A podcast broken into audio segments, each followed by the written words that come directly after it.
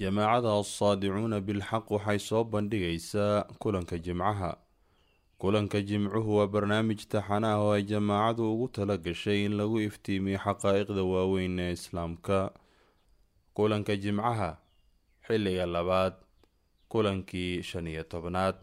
Bismillaahi araxmaan araxiim alxamdu lilaahi rabbi alcaalamiin walcaaqibatu lilmuttaqiin ولا عدوان إلا على الظالمين وصلى اللهم على محمد وعلى آله وصحبه وسلم أجمعين أما بعد السلام عليكم ورحمة الله وبركاته kusoo dhowaada daawadayaal waa mar kale iyo barnaamijkeenii kulanka jimcada ee aan kaga hadlaynay caddaynta xaqiiqada dhabta ah ay ku sugan yihiin bulshooyinka caalamka islaamka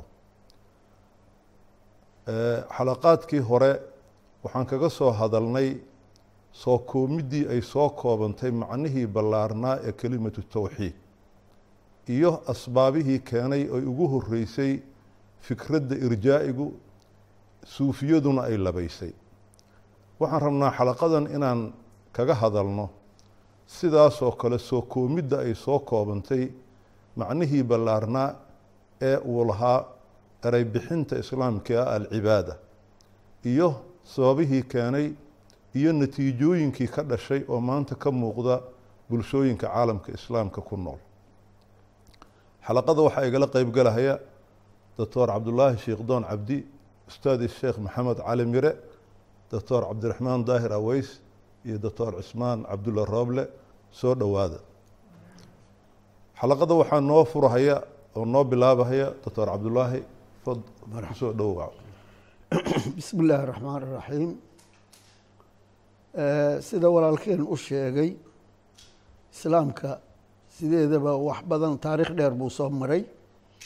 Mar kasta oo islaamka uu ku yimaado dacfi ama ay maaragtay xoogaa hoos u dhac waxaa dhici jirtay inay ismuraajaceeyaan oo macaanida xoogaa ay fahmi aysan fahmin ama diintii dhaqankeedii ama waxaa ka hadlaysan inay dib isku muraajaceeyaan arrintaas iyada ah saddexdii qarni oo ugu dambeysay meesha waa ka baxda in ay saxaan mafaahiimta islaamka inay dhaqankooda saxaan inay noloshooda saxaan inay maxaa ka hadlaysan yani inay dib ugu laabtaan meesha waa ka baxda fadradaas iyada ah. Waxaa kaaga daran oo arintaas haddana yacni dhibkeeda aada u sii muujiyey inaysan fahmin in wax ka hadlaysan yihiinba. In ay maaragtay isku haystaan inayba isku toosan yihiin oo calaa maa yuraam sida la rabayba ay yihiinba taas waxaa weeye waxay keentay ayaga ooba islaamkii iyo wixii islaam lagu noqon lahaa iyo noloshii islaamka oo dhan banaanka ka ah inay isku haysaan inay wax u toosan yihiin oo ay nolosha u toosan tahay. Waxaana dhici jirtay markaan taariikhda islaamka dib ugu laabano marar badan oo ummadda islaamka dacfi ku yimaada ama aragtidooda islaamka ay wax ka hadlaysnaadaan ama noloshoodoo dhan hadlaysnaato laakiin kadib waa ismuraajacay jireen dibay isku laaban jireen meeshoodii ayay ku soo noqon jireen sidii dhacday waktigii dadka muxuu ahaa gaalada saliibiyiinta ay ku soo duuleen oo kale. Mithaal kirishtaanka markaan soo qaadano mithaal ahaan markaan soo qaadano tataarkii magoolka ahaa markay soo duuleen oo islaamkii dham ay qabsadeen oo caasimadoodii qabsadeen meel walba qabsadeen dadkii muslimiinta waa isku yeerteen noloshoodii soo ceshadeen markaas bay maaratay dib ay u noqdeen oo gaaladii ay sidaas u tirtireen. Marka arrimahaasaa dhici jirtay taariikhda islaamka laakiin markii ay isku qaateen ayaga ooba meeshii iyo wixii islaamku ouba islaamku ahaa banaanka ka ah inay islaamkiiba isku haystaan markay isku qaateen haddee wax u hagaagay ma leh. Gaaladii markaasay ka faa'iidaysatay.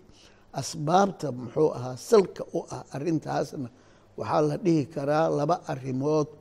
Waa midda koowaade mafaahiimtii islaamka oo dadku ay fahmeen nolol cusub iyo xayaato cusub ay ku fahmeen oo meeshii ka baxday oo ciriiri noqotay. Taas waxaa maaragtay macnihii shalay sidii loo fahamsanaa laa ilaaha ila allahu aan loo fahamsanayn. Sida cibaado loo aan loo fahamsanayn shalay loo fahamsanaa. Oo mar walbaba wixii dhammaaba ciriiri ay galeenoo macno ciriiriya oo curfiga markaas jira u noqonayo loo arkay. Taasu mid bay ahayd. Midda labaadna ayagii yaaba dib u gurasho iyo dib u noqosho bilaabayoo mustawahoodii islaamiga ahaa iyo wixii ka ratimayey dib uga noqday labadaas arrimood oo isku tagtay baa waxay keentay inay iyaga oon ogeyn ay ka baxaanba khadkii islaamka ka baxaanba iyo xuduuddii islaamka. Waxaana loo celi karaa asbaaba maxaanaha dhowr ah oo qaarna horey aan u soo sheegnay qaarna hadda aan sheegi doono. Midda koowaad diinta saan ognahay waa diin luqa alcarabiya ku soo degtay oo ilaahay u doortay min beyni luqaati alcaalam oo u doortay luqadii carabiga ahayd iyo fahamkoodii ayaa waaa waxay gashay ciriiri gashay. Taas horta waa qodobka koowaad oo laga durkay markaasaa curfiga loo celiyey. Hadba wixii markaas jiray ayaa loo celiyey. Maanta se luga alcarabiya kelimadan maxay maxaa loo fahamsan yaha macna macnihii ay shalay loo fahamsanaa ama ay gudanaysay ka hooseeya ayaa maanta loo fahmay. Dib u dhacda koowaad taasuu ku yimi dib u dhaca labaad markii culamaa fuqahaa culamaa lislaam dadkoodii fuqahada ahay ay dhaheen baabul ijtihaad waa xiran yahay. Ayagoo markaas wax dhacay ku daaweynayo ku daaweeya isleh ayaa waxaa dhacday in jaanibkaasna rukuud ku dhacay ama ay macnaha fariisatay oo dadkii muslimiinta ahaa islaamkii shalay maxaa kaa hadlaysan war waxaasaa hadlaysan ilaa ijtihaadku wuxuu furayey waxa hadlaysan hadba. In ninku baraarugo oo yiraahdo war sidaas iyo sidaas baa la iska raba arrintaasna waa xiratay taasna waxay keentay iyadana muxuu ahaa dib u dhaca dhacay sabab inay u noqoto kow. Arrinta saddexaad oo qeybta ka qaadatay waa gaalada weliba reer galbeedka ay ugu badan yihiin ama gaaladoo dhanba ay isku kaalmaysatay inay u qasdaan macnaha islaamka inay ciriiri ka dhigaan iyada oo kaalmo ay ka heleen dadkii islaamka sheeganayay naftoodii ayagoo ku xujaytamaya inay macnaha maaragtay ay wax islaaxinayaan inay ummaddii horumar u qaadayaan. Markaa sidaa darteeda manaahijtii waxbarashada iyo diintii fahamkeedii inay soo tadakhulaan. Oo meeshaas ou dhaco islaamkii dhammaaba dumuur ama wixii dhammaanba ay soo gaabteen oo macaanidii islaamka soo gaabatay oo markaa dadkiiba ay arkaanba ayaga oo macnihii islaamkaba meel iska dhigay oo macnihii gaaladu ay u keentay bal ay gaartay in tafsiir cusub ama macno cusub islaamkii nuxurkiisii gaaladii u saartay ayagiina ku raaceen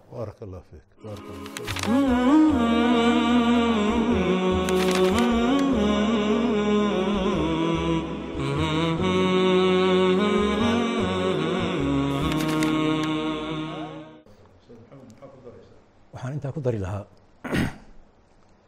ilaahay subxaanaه wa tacaala wuxuu yihi bacda acuudu biاllahi min الshayطaan الrajiim wmaa khalaqtu اljina wاlinsa ila liyacbuduun ilaahay subxaanaه wa tacaala wuxuu noo sheegay insaankan iyo jinka adduunkan inuu u keenay asaga inay caabudaan haddaba waxaa u baahan marka inaan ka hadalno cibaadadaas alla u abuuray labadaas addoon maxay tahay cibaadadaas runtii quruntii hore oo dadkii hore muslimiinta ahaa waktigii nebiga laga soo bilaabo saxaabadii quruntii ku hortay macnaha cibaadada waxay u fahamsanayeen wax alla wixii ilaahay jecel yahay oo ilaahay raalli ka yahay oo ah ilaahay in la jeclaado ilaahay in la duleeyo ilaahay inaad hoos isu dhigto inaad isla yeelaato ilaahay inaad jeclaato inaad maaragtay adeecdo inaad u hoggaansato cibaadada macnahaas ballaaran oo kulansanaya noloshii oo dhan saasay u fahamsanaayeen dadkii hore oo macnaha muslimiintii hore oo awood hore marka macnahaas marka markaan hoos u sii dadejino nebiga calayhi salaatu wasalaam asagaa ilaahay ummaddan u doortay oo rasuulkii loo soo diray ah macnahaas marka shaamilka ah oo kulansanaya cibaadadii oo dhan ayuu noloshiisa ku hirgeliyey dhaqankiisii iyo xayaatadiisii oo dhan. Walidaalika caaisha markii la weydiiyey radia allahu canhu arda oo la yihi nebiga dhaqankiisii ka waran waxay tihi kaana khuluquhu lqur'aan radia allahu canhu arda macnaheedu waa maxay? Macnaha wax alla wixii ilaahay faray wax alla wixii ilaahay jeclaa wax alla wixii ilaahay raalli ka ahaa ayuu noloshiisii ku hirgeliyey. Oo yacni nolosha oo dhan xayaatada oo dhan dhinacyadeeda oo dhan buu ku hirgeliyey. Dowladdii siduu u dhisay cibaaday ahayd nebiga calayh salat slam oo isagoo hogaamiyaha u ahaa. Markuu gaalada la dirirahayay oo la jihaadayay iyo munaafiqiinta cibaaday ahayd markuu ilaahay u go'ayo subxana wa tacaala uu cibaadaysanayo ilaa luguhiisa ay baranaanna cibaaday ahayd gurigiisa iyo ahalkiisa iyo caruurtiisa reerkiisa markuu ku jiro oo haweenkii saxaabada ridwanullahi la weydiiyo la yidhi ka warrama nabiga markuu guriga joogo waxay yidhahdeen kaana fii khidmati ahlihi. Ma garatay? Waxaa weeye waa u kaalmayn jiray waa u gargaari jiray ma garatay? Baahidooda oofin jiray waxay u baahan yihiin buu u qaban jiray. Nabiga calayh sala slam marka xayaatadiisa oo dhan baa waxay ahayd cibaado. Dadka markuu tarbiyeynayo markuu diinta dacwada ugu yeerayo markuu si wadar ah iyo si waaxida ula hadlayaba nabiga calayh salaatu wasalaam noloshiisa cibaaday u ahayd. Saasuuna u hergeliyey oo noloshiisa u hergeliyey saxaabadii marka ridwaanullahi calayhim ajmaciin ayagan haddaan soo qaadano maadaama ay nabiga saas arkayeen dhaqankiisa ayaguna waxay u arkayeen cibaadadu inay macnahaas ballaaran oo kulansanaya xayaatada oo dhan ayay u arkayeen. Markay gaalada la jihaadayeen cibaaday u arkayeen. Markay ilaahay adeecayaan oo soomayaan oo salaadayaan oo xajinayaan cibaaday u arkayeen. Markay gurigooda joogaan oo ilmahooda la dhaqmayaan oo reerkooda la dhaqmayaan oo dabciga wanaagsan caruurtooda tarbiyeynayaan xaaskooda u kaalmaynayaan awlaadooda hagaajinayaanna cibaaday u arkayeen. Uma kala soconayn markay gudanayaan shacaairta shacaa'ir tacbudi markay gudanayaan iyo markay noloshoodan kale ku jiraan ma ahan inay u kala soconeen. Hurdadoodu waa cibaado cuntadoodu waa cibaado wixii ilaahay u xalaaleeyey oo u baneeyey markay ku tamatucayaan na waa cibaado weeye. Noloshooda oo dhanna marka saasay u arkayeen. Runtii marka arrintaasi markay hirgashay oo cibaadada macnahaas ballaaran ay u arkayeen waxaa hirgalay wax dadkii waagaa joogay runtii iyo quruuntii dambe xataa ka yaabshay. Sida cibaadadaasi ay u hirgashay oo dadkaas hore oo salafka saalixa noloshooda uga muuqatay. Maxaa ka dambeeyey marka? Markii cibaadadaas macnaheedii uu shiiqay oo uu yaraaday runtii waxaa la kala saaray kulankii ay kulansanaysay macnahaas cibaadada oo ballaaran baa kala haray oo cibaadadii waxaa lagu soo koobay inta loo yaqaano shacaa'ir tacbudiya nolosha inteedii kalena waa laga saaray. Allah fiik. Bismi illaahi raxmaan raxiim sida walaal hadda maxamed uu u soo sheegay meelaha ay ku soo koobantay macnihii cibaadada siduu hadda ustaadka soo sheegay noloshoo dhan qaybaheeda ay cibaado ahayd waagii dambe dhowrka arrimoodoo soo socda bay ku soo koobantay. Marka ugu horreeya waxyaalahan dadka markii cibaadaba la yidhaha maskaxdooda ku soo degdegaya oo soonkii iyo salaadii iyo xajkii iyo intaas inay cibaado tahay oo nolosha inteeda kale oo qofka ku maaraynaya xayaatadiisa oo dhan ku maaraynayana inaysan cibaadada shaqa ku lahayn. Oo saa darteeda meeshuu raba uu ka qaadan karo. Nidaamkii maaragtay asiga cajab geliyo ama wixii afkaar ahoo adduunka jira iyo mabaadi'dii jirta oo la yidhaahda taasaa fiican inuu noloshiisa ku maaraysto oo laakiin cibaado aysan shaqo uga lahayn ayaa arrintaas ka dhalatay. Tii markay timiday maxaa marka dadkii muslimiinta qayb dadkii ugu dambeeyey qarniyadii ugu dambeeyey maxay arrintoodii keentay? In ay isu maleeyaan. Mar hadday salaaddii soo dukadeen oo masaajidka galeen oo soon haddii la gaarana bishii ay soomeen intii alla ka rabay inay dhammaystireen. Cibaadadii laga rabayna inay u dhammaystiran tahay wax ka hadlaysan diin ahaan wax ka hadlaysan aysan jirin. Oo aysan dhib u arkaynin intaa wixii ka soo haray noloshooda meeshay doonaan inay ka qaataan. Oo waxay u fahmeen dhinacii xukumkii iyo siyaasadii iyo wixii ay dowladnimadooda ku dhisa lahaayeen inay xur u yihiin meeshay rabaan ka qaadan karaan oo alla wax lagala tashanaya ama kitaabkiisii loo celinaya ama sunnadii rasuulka loo celinaya salawaatullahi aysan ahayn. Sidoo kale dhaqaalahooda markay dhisayaan. Afkaarta dhaqaale adduunka jirto gaalo kasta laga soo gaaro hadday ka rabaan qaataan kii ay is yidhahdaan kaasaa idin fiican inaysan diintooda waxba u dhibaynin. Sidoo kaleenta qalabkooda warbaahinta waxa ummadda lagu gawaabinaya waxa looga baaqaya waxa lagu madadaalinaya kulli waxaasoo dhan wixii un adduunka jiro arkaan hadday soo qaataan oysan u fiirinin waxaas alla raalli ma ka yahay diinta ma ogosha ma sameeya inaysan cibaadadoodii wax u dhimaynin. Sidoo kale dhaqankoodii iyo akhlaaqdoodii iyo nolosh nolol maalmeedkooda cilaaqaadka ayaga dhexdooda ka dhexaynaya afraadda mujtamaca waxaasi habkay rabaan oo iyaga la quruxsanaado ama hiddahooda iyo dhaqankooda hadday ka qaataan oysan ilaahay diintiisa maxay ka qabtaa aysan dhihin inaynan cibaadadii ka bixin. Wixii oo dhan markaa maxaa meeshaas ka dhashay? Noloshii intii ugu nuxursaneed in aan alla laga qaadan oo meelo kale laga qaato. Allana loo soo reebo intaa yar daqaa'iqdaas oo salaada qofka ama bishaas uu soomaya intaa inta laga qaadana ay noqoto. Arrintaasna sideeda waxa weeye arrinta ah shirkiga la sheegaba macnihiisa saas waa nolosha in la qeybiyo oo qeybna la yidhaha allow adigaan kaaga dambaynaynaa wixii amarkaada aan ku soconaynaa qeyb kalena la yidhaahdo annagaa xur u ah ama wixii meeshaan doonaan ka qaadanaynaa waaba shirkiga laleeyahy in allaha laa yakfiru an yushraka bihi wayakfiru maa duuna dalika la yidhi ilaahay shirki marnama dhaafo. Oo qofkii shirkigaa ku dhaca faqad xarama allahu calayhi اljanata wama'waahu naar kaas janno waa laga xarimay. Naar buunu kalaa la yiray macnihiisaba waxa weeye nolosha oo laba qaybood laga dhigo qeybna alla la yidhaahda adaa iskale qeybtaa lagaaga dambaynaya qeybtaanne me meeshaan rabnaa kaga dambaynayna. Qur'aanka markaan dib ugu noqono sideedaba laba arrimood oo waxaa jira marne aan la kala reebin oo isla socdo. Waxa weeye alla khalqigan asaa abuuray iyo asaa u taliya. Xaq khalqigaas u abuurtay inuu asaga u taliyo inuu asaga bes xaq u leeyahay. Alaa lahu اlkhalqu wاlamru sida alla abuuridiba aan looga haysanin khalqigan asaga inuu abuurtay u talintiisa in asaga looga dambeeyo in ay tahay meel kalena aan qof kalena aan looga dambey karin. Labadaa arrimood oo qur'aanka saa iskugu xiray waa kala tagtay. Oo hadda daaca daacada marka ilaahay hala adeeca qof hadda hadduu yidhaahdo dadka caadiga maanta waxay u fahmayaan alla hala adeeca salaaddii soo duko waajibka laakiin ugu soo dhici mayso alla hala adeeca macnaheeda waxa waaye wax kastood ku taaqayso intaadan samaynin alla ugu dambeey ee ku adeec oo waxaasi alla siduu u rabay uu raalli ugu ahay u sameey maba ku soo dhacayso. Daacadii iyo ka dambayntii ayaa iyadana waxay noqotay intay soo koobantay qofkaas allow adeeca waa dukadaa waa fiican yahayse maaragtay waa cibaadaystaa halkaasi arrintii baynama arrinta ay tahay waxa ka dambaynta la yidhah itibaaca carabiga lagu yidhaahda ama daacada ama hoggaansanka alinqiyaad carabiga lagu yidhaahdo hoggaansanka kulligiis alla in loo hoggaansado asaga la raaco laga dambeeyo shay kastaba siduu asaga ugu talagalay loogu raaco taas ayaa cibaadada ah.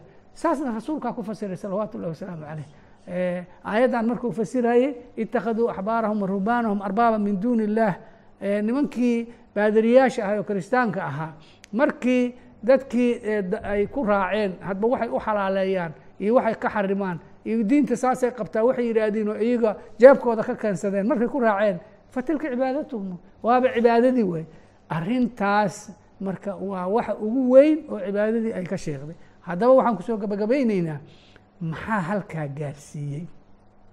Asbaabtiidoo ay badantood doctor cabdallana qeyb uu ka soo sheegay waxaan si gooni ah nalka ugu daari lahaa. Tan ugu weyn oo sidaa gaarsiisay waxa weeye waa manaahijta waxbarashada iskuulaadka jaamacaadka nidaamkan casriga oo hadda yimid oo habkan tacliinta loo dejiyey oo horey aan u jiri jirin oo gaalada markii dhulalkan qabsatay madaaristii iskuulaadkii ay furtay jaamacaadkii ay furtay oo ilaa maanta ayaga ay maamulaan oo looga dambeeyo ayaa taas ka dhigtay oo waa maxay? Iskuulka markii canuga la geeyay asagoo alimitaarka bilaabaya ilaa jaamacad waxa lagu shubayo o dhan waxay iskugu socdaan noloshan mabaadi' baa jirta nidaamyaa jira la raba in lagu maamulo. Allah shaqa kulana marna ma looga soo ma loogu soo darayo. Wax diin lagala tashana haba yaraatee ma jirto. Tii maxay keentay marka?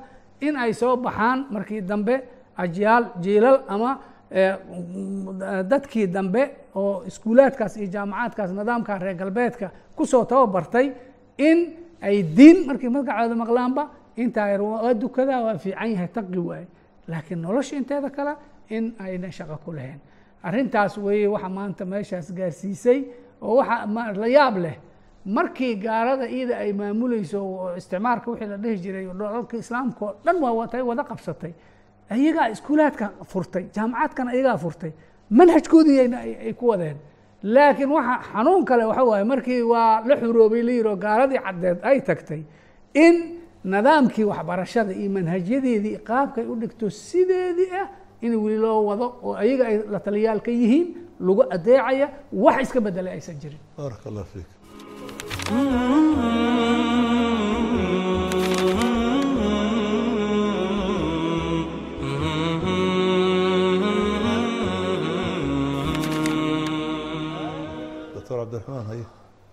Waxaan shaki ku jirin caalamka la yidhaahdo caalam islaami.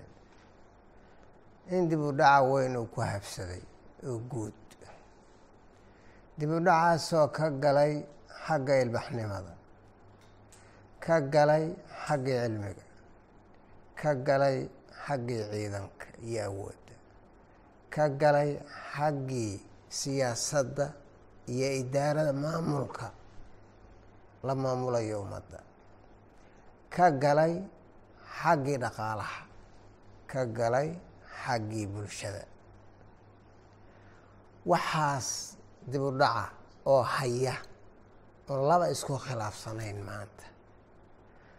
Kuma imaan inay islaamkii qaad muslimiin ay yihiin islaam darti kuma imaan.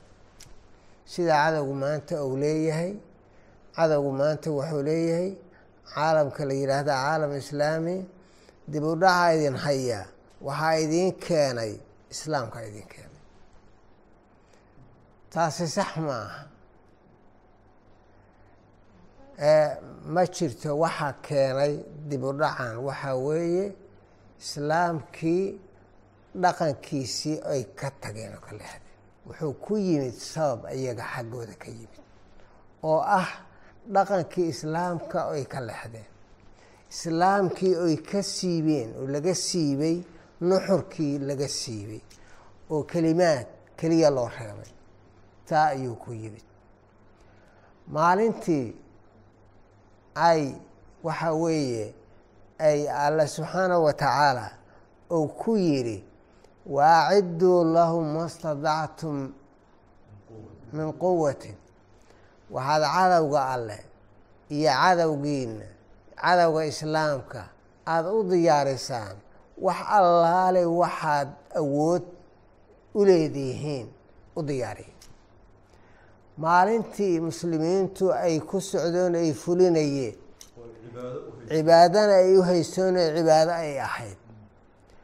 Ma jirin kumana dhicin cadowgu inuu u hanqaltaago inuu qabsado dhulkii muslimiin in yaroo ka mida uma awood uma lahayn umana hanqal taagaynin inay khayraadkii ummadda inay boobaan inay bililaqaystaan yacni waxaa weeye uma hanqal taagin takhalluf ama dib u dhac askariyuna ma jirine caalamka oo dhan kuwii ugu waaweynaa oo kumaan kun sano soo jiray oo boqortooyo soo ahaa oo dowlado waaweyn soo ahaa madaxdoodii ayaa nimankii shalay reer baadiyaha ahaa acraabta ahaa oo islaamkaas inta fuliyoo ku dhaqmay oo cibaadadii sidii shaamilka ahayd oo alla subxaanahu wa tacaala oo u faray u qaatay oo u fuliyey oo gaaray heerkaas yacni waxaa weeye ay ka baqayeen markay maqlaan magacoodii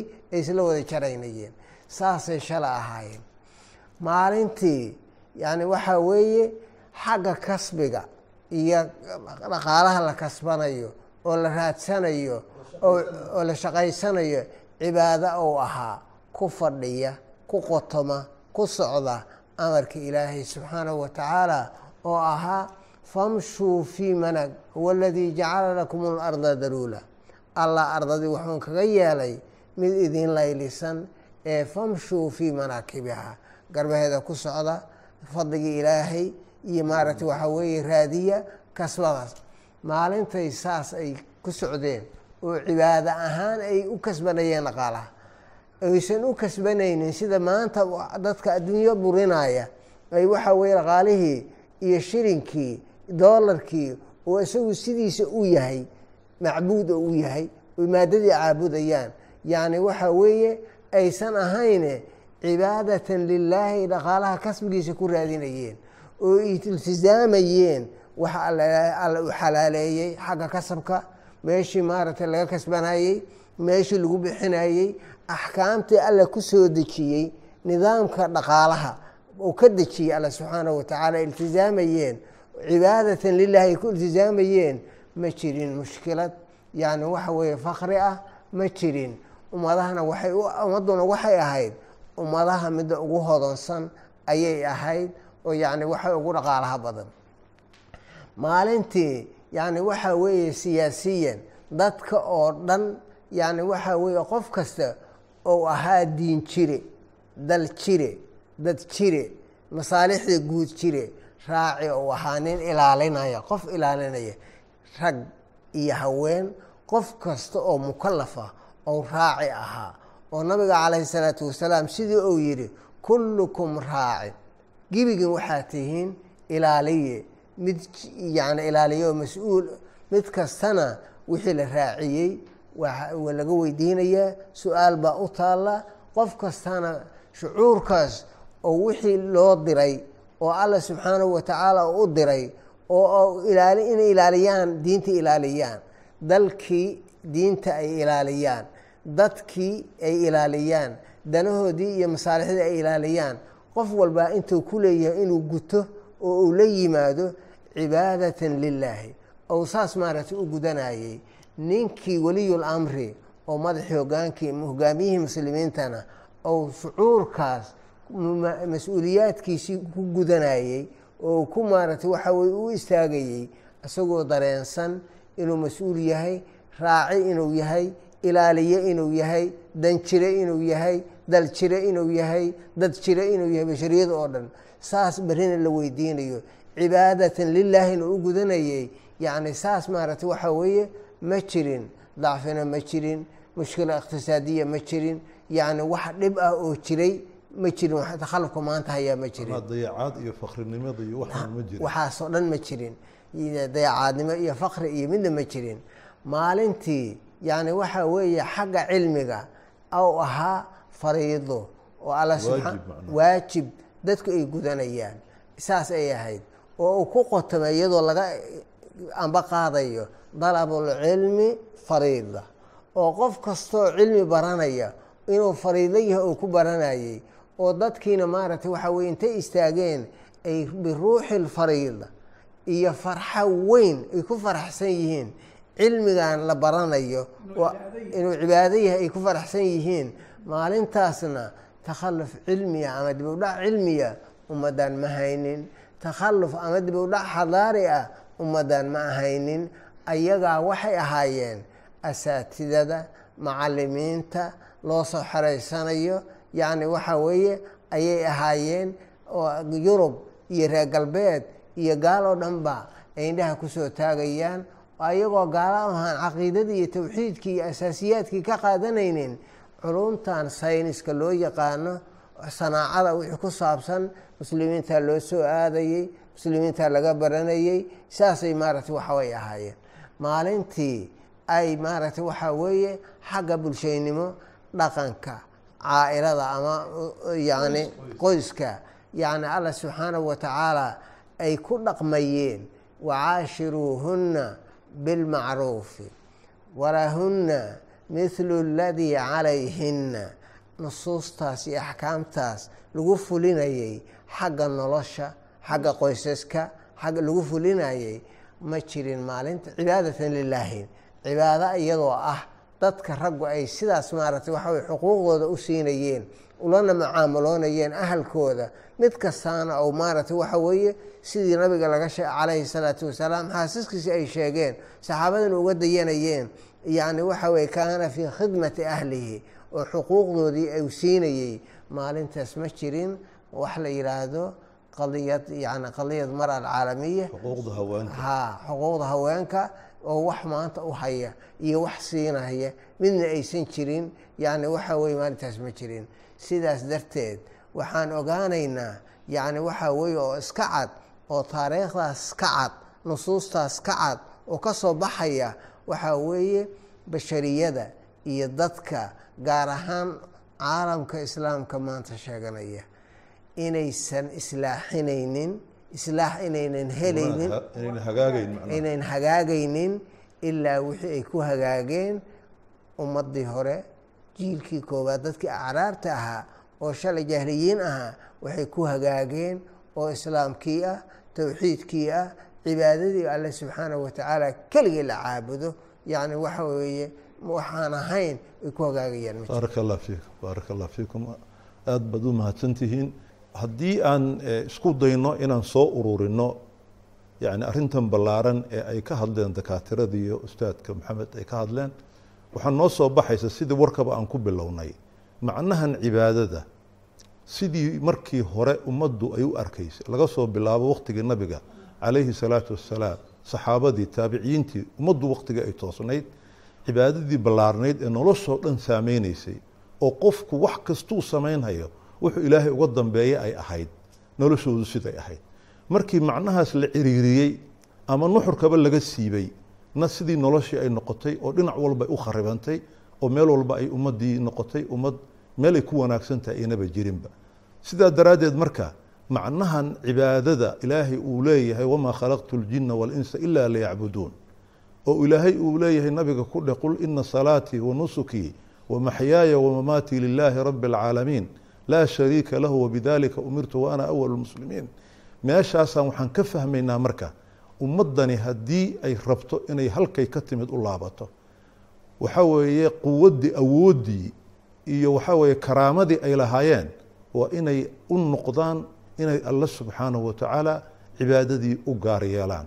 Cibaadadaas macnaha ballaaran leh ee waxaa weeye ilaahay subxaanahu watacaala uu qur'aankiisa noogu sheegay. Waana dacwada aan leenahay dadku ha u soo jeesteen ah ucbudullaaha maa lakum min ilaahin hayruhu intaan xalaqo kale ku kulmayno asalaamu calaykum waraxmat ullaahi wabarakaatu هذا بلاغ للناس ولينذروا به وليعلموا أنما هو إله واحد وليعلموا أنما هو إله واحد وليذكر أولو الألباب باب باب